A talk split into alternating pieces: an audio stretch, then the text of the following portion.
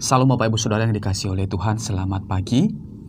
Sebelum kita mendengarkan renungan kebenaran firman Tuhan, mari terlebih dahulu kita mengucap syukur buat segala kemurahan dan kebaikan Tuhan yang sudah kita terima sepanjang malam hari ini. Mari kita berdoa. Tuhan Yesus kami mengucap syukur buat anugerah-Mu, pertolongan Tuhan yang boleh kami rasakan sepanjang malam hari ini. Terima kasih buat hari yang baru, terima kasih buat kekuatan kesehatan yang baru. Dan sebelum kami melakukan segala aktivitas kami sepanjang hari ini kami rindu untuk diisi oleh kebenaran firman-Mu. Dan kami rindu untuk merenungkan kebenaran firman-Mu. Tuhan tolong kami di dalam memahami, mengerti dan juga melakukan setiap firman yang kami dengarkan. Tuhan kami menyerahkan waktu ini dan pemberitaan firman ke dalam tangan-Mu. Di dalam nama Tuhan Yesus Kristus kami berdoa dan bersyukur. Haleluya. Amin. Bapak Ibu Saudara yang dikasih oleh Tuhan, renungan kita pada pagi hari ini dari masih di dalam kitab Keluaran dan kita sudah tiba pada pasal 31. Nah, di dalam pasal 31 ini Bapak Ibu Saudara, ada dua bagian yang ingin saya sampaikan di mana Allah memberikan dua perintah kepada Musa untuk disampaikan kepada bangsa Israel. Yang ini yang pertama adalah mengenai uh, pemilihan Allah ya kepada uh, Bezalel dan Aholiab yang ditunjuk untuk uh, membuat perkakas-perkakas yang ada di dalam kemah suci Bapak Ibu Saudara. Lalu kemudian yang kedua, perintah yang kedua yang Allah sampaikan kepada Musa adalah untuk menyampaikan kepada bangsa Israel mengenai peringatan peringatan untuk uh, menguduskan hari Sabat atau hari pemberhentian atau hari di mana mereka uh, datang kepada Tuhan hanya uh, memberikan waktu untuk Tuhan Bapak Ibu Saudara. Nah, sebelum kita melihat di uh, ayat-ayat di dalam pasal 31 ini Bapak Ibu Saudara. Kita kembali melihat uh, sedikit di belakang di pasal-pasal sebelumnya di mana Allah memberikan banyak sekali perintah mengenai aturan-aturan yang harus dilakukan oleh bangsa Israel, terutama uh, aturan-aturan mengenai kemah suci, Bapak Ibu Saudara, dan Allah memberikan perintah itu kepada Musa untuk uh, supaya kemah suci yang akan yang dibuat itu adalah merupakan tempat yang kudus ya tempat yang hanya boleh dimasuki oleh orang-orang yang sudah dipilih oleh Allah. Dan dari awal ya, dari awal Allah memberikan perintah kepada Musa atau uh, meminta Musa untuk uh, mengeluarkan bangsa Israel dari tanah Mesir Bapak Ibu Saudara. Allah tidak semata-mata hanya mengutus begitu saja tetapi Allah memilih lalu kemudian memperlengkapi setiap orang yang dipilihnya untuk menjadi wakilnya uh, untuk menyampaikan setiap perintah kepada bangsa Israel kepada bangsa tersebut Bapak Ibu Saudara. Dan Orang-orang yang dipilih oleh Allah bahwa orang-orang yang memang Allah sudah tahu bahwa mereka memiliki kemampuan di sana bukan hanya sekedar memilih seperti itu seperti itu Bapak Ibu Saudara tetapi Allah memang sudah mengetahui orang-orang yang dipilihnya adalah orang-orang yang memang memiliki kemampuan walaupun uh, nantinya orang-orang yang dipilih tersebut adalah terkadang merasa dirinya tidak mampu, terkadang merasa dirinya tidak bisa melakukan hal itu. Tetapi pada akhirnya ketika Allah memampukan mereka, maka mereka melakukan dengan sangat baik Bapak Ibu Saudara. Nah, oleh sebab itu kita tiba di dalam uh, pasal yang ke-31. Mari kita melihat uh, di dalam ayat yang pertama sampai ayat yang ke-11 saya akan bacakan kepada kita uh, ayat ini Bapak Ibu Saudara. Berfirmanlah Tuhan kepada Musa, "Lihat aku uh, telah kutunjuk Bezal, Bezalel bin Uri bin Hur dari suku Yehuda dan telah kupenuhi dia dengan roh Allah dengan keahlian dan pengertian dan pengetahuan dalam segala macam pekerjaan untuk membuat berbagai rancangan supaya dikerjakan dari emas perak dan tembaga untuk mengasah batu permata supaya ditatah untuk mengukir kayu dan untuk bekerja dalam segala macam pekerjaan. Juga aku telah menetapkan di sampingnya Aholiab bin Ahisamak dari suku Dan. Dalam hati setiap orang ahli telah kuberikan keahlian. Haruslah mereka membuat segala apa yang telah kuperintahkan kepadamu. Kemah pertemuan, tabut untuk hukum, tutup pendamaian yang terletak di atasnya, dan segala perabotan kemah itu, yakni meja dengan perkakasnya, kandil dari emas murni dengan segala perkakasnya, mesbah pembakaran ukupan, mesbah korban bakaran dengan segala perkakasnya, bejana pembasuhan dengan alasnya, pakaian jabatan, baik pakaian kudus kepunyaan Imam Harun maupun pakaian anak-anaknya untuk memegang jabatan imam, minyak urapan dan ukupan dari wangi-wangian untuk tempat kudus, tepat seperti yang telah kuperintahkan kepadamu, haruslah mereka membuat semuanya.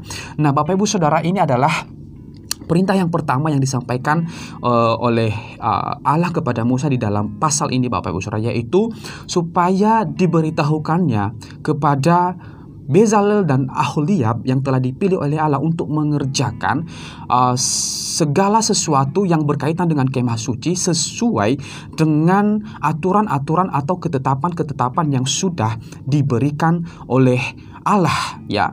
Di dalam pas ayat yang ayat yang ketujuh Bapak Ibu Saudara di situ ada uh, ketentuan atau hal-hal yang perlu dibuat oleh Bezalel dan juga Aholiab yaitu kemah pertemuan, tabut untuk hukum, tutup pendamaian yang terletak di atasnya dan segala perabotan kemah itu yakni meja dengan perkakasnya, kandil dari emas murni dengan segala perkakasnya, mesbah pembakaran ukupan, mesbah korban bakaran dengan segala perkakasnya, bejana pembasuhan dengan alasnya, pakaian jabatan baik pakaian kudus kepunyaan Imam Harun maupun pakaian anak-anaknya untuk memegang jabatan imam dan selanjutnya Bapak Ibu Saudara. Jadi ketetapan-ketetapan ini Allah sudah berikan ya. Lalu kemudian kalau kita melihat di sini bahwa Allah memilih secara langsung Bezalel dan Aholiab dikhususkan untuk pekerjaan tersebut.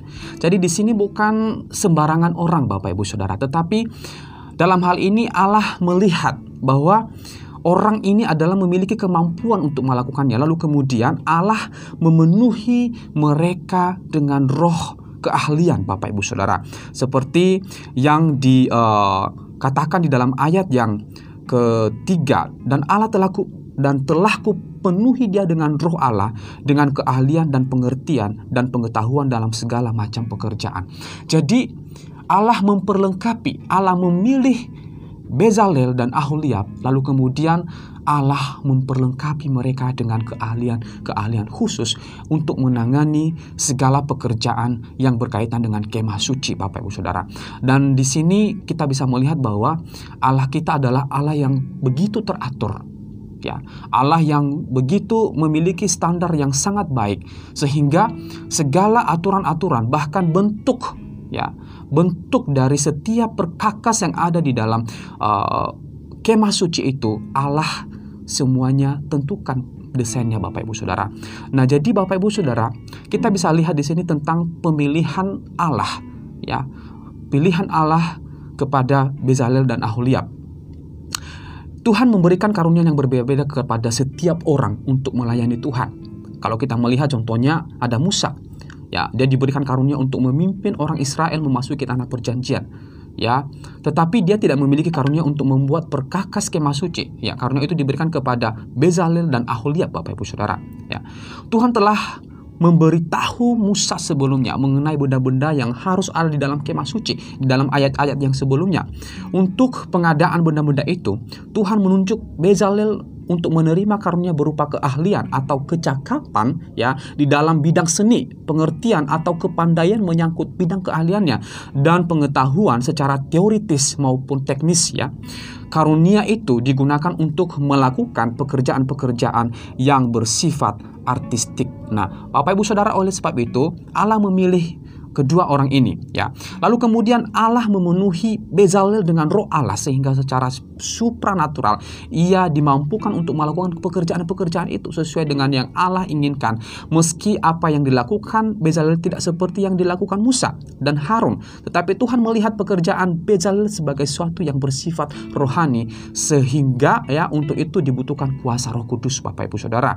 Nah, Bukan hanya Bezalel Bapak Ibu Saudara, di samping itu juga ada Aholiab dan perajin-perajin lainnya yang mendapatkan keahlian mereka dari Allah.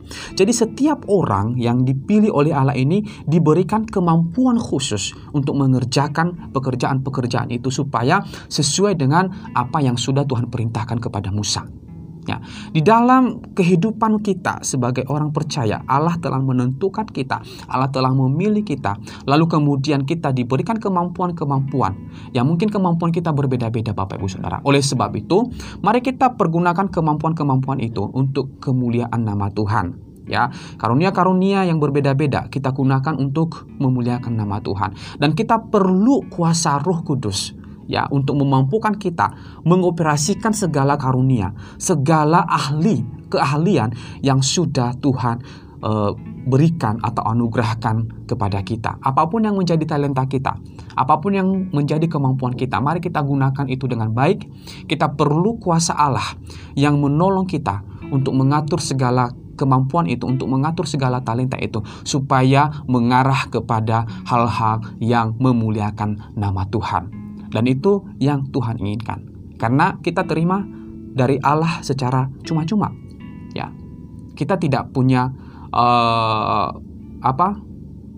pekerjaan yang begitu keras untuk mendapatkan karunia itu, tetapi secara cuma-cuma Allah memberikan itu untuk kita gunakan menjadi alat kemuliaan kepada Allah kita, Bapak Ibu Saudara.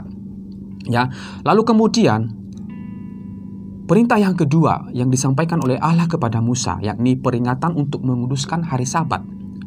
Di dalam ayat 12 sampai ayat yang ke-17 saya akan bacakan dengan uh, cepat kepada kita semua. Berfirmanlah Tuhan kepada Musa, katakanlah kepada orang Israel demikian, akan tetapi hari-hari sabatku harus kamu pelihara, sebab itulah peringatan antara aku dan kamu turun-temurun, sehingga kamu mengetahui bahwa akulah Tuhan yang menguduskan kamu.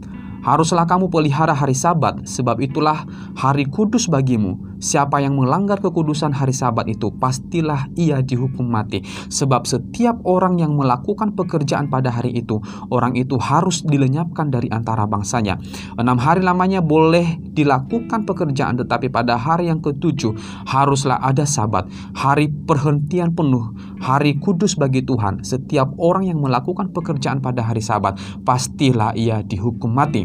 Maka haruslah orang Israel memelihara hari Sabat dengan merayakan sahabat turun-temurun menjadi perjanjian kekal antara aku dan orang Israel, maka inilah suatu peringatan untuk selama-lamanya, sebab enam hari lamanya Tuhan menjadikan langit dan bumi, dan pada hari yang ketujuh ia berhenti bekerja untuk beristirahat. Bapak, ibu, saudara yang dikasih oleh Tuhan, ini adalah salah satu aturan yang uh, begitu uh, tegas Allah diperintahkan kepada bangsa Israel melalui Musa Bapak Ibu Saudara yaitu mengenai peringatan untuk menguduskan hari Sabat ya. Hari Sabat ini begitu penting. Kenapa Bapak Ibu Saudara?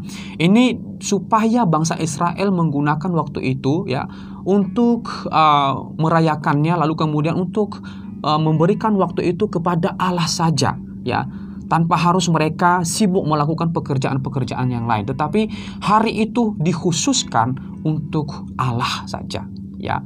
Jadi uh, Allah bukannya sengaja apa bukannya memerintahkan Musa ya akan supaya bangsa Israel ya memiliki waktu khusus. Tetapi ini memang sudah ketetapan ya yang ditetapkan oleh Allah supaya bangsa Israel ini tidak sembarangan hidupnya ya.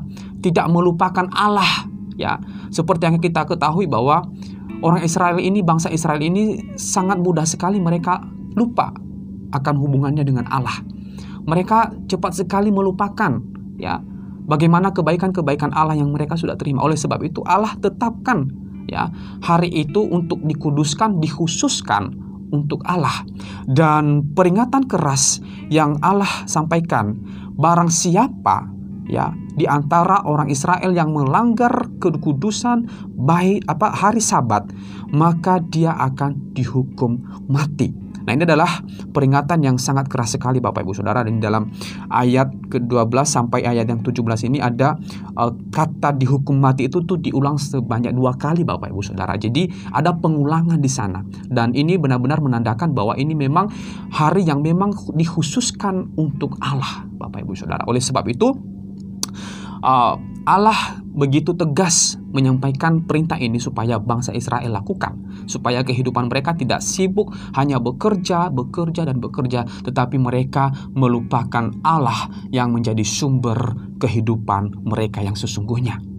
Nah, di dalam kehidupan kita sama halnya Bapak Ibu Saudara, ya. Berapa banyak kita memberikan waktu kita untuk uh, untuk kemuliaan Tuhan? Berapa banyak kita memberikan waktu kepada Tuhan? Apakah hanya hari Minggu saja? Ya, tetapi Bapak Ibu Saudara yang perlu kita ketahui bahwa hendaklah setiap hari kita memiliki waktu khusus ya kepada Tuhan. Ya. Biarlah kiranya hari-hari kita diisi ada waktu-waktu di mana kita hanya berdua dengan Tuhan, ya. Hanya dengan Tuhan kita mengutarakan segala isi hati kita, ya. Bukan lagi berbicara mengenai hanya satu hari dalam seminggu, ya, baru kita datang kepada Tuhan, tetapi hendaklah kita senantiasa setiap hari memiliki waktu dan kesempatan untuk datang kepada Tuhan, untuk berkomunikasi dengan Allah kita, karena Dialah yang menjadi sumber kehidupan kita. Jangan uh, sampai kita disibukkan dengan berbagai macam pekerjaan, jangan sampai kita disibukkan dengan berbagai macam hal, Bapak Ibu Saudara, lalu kemudian kita melupakan Allah yang menjadi sumber kehidupan kita. Bapak Ibu Saudara ingat bahwa kita dipilih lalu kemudian diperlengkapi, kita diberikan kemampuan-kemampuan, lalu kemudian kita mempergunakan kemampuan itu dengan baik untuk kemuliaan nama Tuhan. Lalu kemudian yang kedua adalah mari kita memberikan waktu ya sesering mungkin berhubungan kepada Allah kita ya ber, berbicara kepada Tuhan kita, menyampaikan segala apa yang menjadi kerinduan kita kepada Allah kita. Mari kita khususkan waktu-waktu tertentu untuk uh, kita datang kepada Tuhan. Bapak Ibu Saudara, firman Tuhan pada pagi hari ini kiranya menjadi kekuatan kepada kita dan menjadi rema bagi kehidupan kita dan saya percaya bahwa uh, firman yang kita renungkan setiap saat itu akan menolong kita melalui setiap hari-hari kita bersama dengan Tuhan. Kiranya Tuhan memberkati kita semua. Salam.